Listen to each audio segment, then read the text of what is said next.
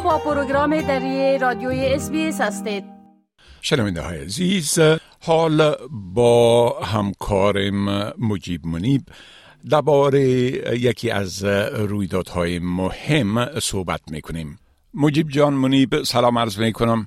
خب مهمترین رویدادی روز مسئله حصول کشتی های تحت البحری توسط استرالیا تحت قرارداد آکس بین استرالیا ایالات متحده امریکا و بریتانیا است. اگر لطفا درباره جزئیات این معامله معلومات بتین بله آقای شکیب سلام بر شما و سلام به شنونده های عزیز.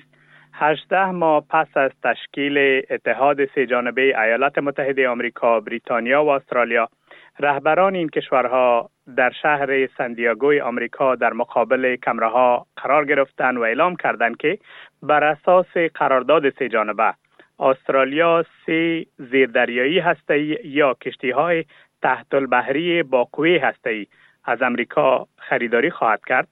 جو بایدن رئیس جمهور آمریکا ریشی سوناک صدر بریتانیا و انتونی البنیزی صدر استرالیا روز دوشنبه.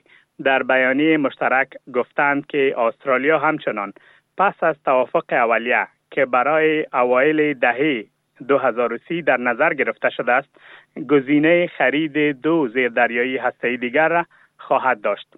کشتی های تحت البحری که استرالیا خریداری می کند از انرژی هسته‌ای برخوردار خواهند بود جو بایدن رئیس جمهور آمریکا گفته که این قرارداد روابط بین سه کشور را محکمتر می سازد اما این توافق راه را برای استرالیا برای داشتن سلاحهای هسته‌ای هموار نمی کند. یک منبع حکومتی گفته است که انتظار می رود تا قرارداد زیردریایی هسته‌ای استرالیا بین 268 و 368 میلیارد دلار برای استرالیا هزینه داشته باشد. قرارداد سه جانبه بین استرالیا، امریکا و بریتانیا چندین مرحله داره. به طور مثال از اوایل سال 2027 چهار کشتی تحت البحری آمریکا و یک کشتی تحت البحری بریتانیا به شکل دورانی فعالیت خود را در غرب استرالیا آغاز خواهند کرد. در اوایل دهه 2030 استرالیا سی کشتی تحت البحری با قوی هسته‌ای از امریکا خریداری خواهد کرد و پس از این مرحله استرالیا می‌تونه باز دو کشتی دیگر هم خریداری بکنه.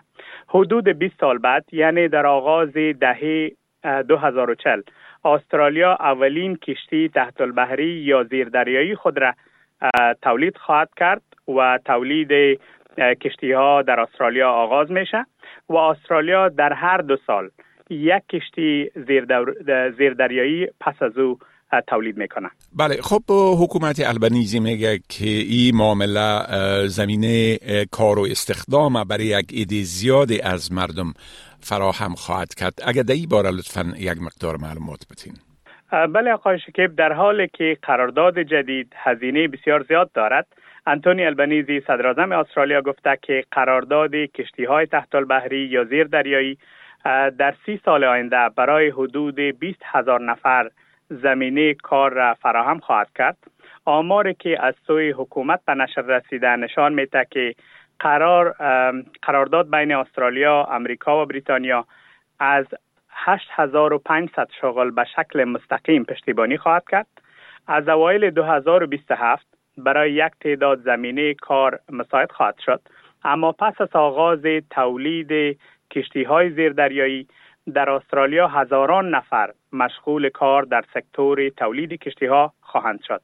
بر اساس برنامه حکومت استرالیا، کارخانه تولید کشتی های تحت البحری یا زیردریایی در ایالت جنوبی استرالیا به فعالیت آغاز خواهد کرد و به همین دلیل زمینه کار هم بیشتر در ایالت جنوبی استرالیا به مردم مهیا خواهد بود. بله خب شی جین پینگ رهبر چین در برابر این معامله عکس عمل بسیار تند نشان داده و گفته که حکومت او هم تدابیر دفاعی خود تقویت خواد کرد و دیوار پولادین در مقابل امریکا و متحدینش ایجاد خواد کرد. اگر در این باره یک مقدار معلومات بتین.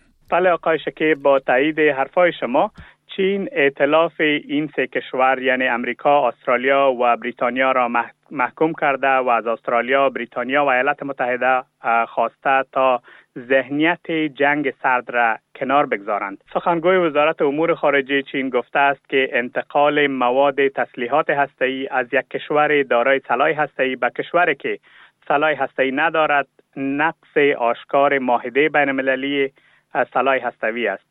در همین حال وزیر دفاع استرالیا ریچارد مالز طی یک نشست خبری تلویزیونی گفته است که حکومت استرالیا طی هفته گذشته بیش از 60 تماس با رهبران از جمله در اقیانوس آرام و جنوب شرق آسیا داشته است تا آنها را در مورد توافق بین استرالیا، امریکا و بریتانیا مطلع کند.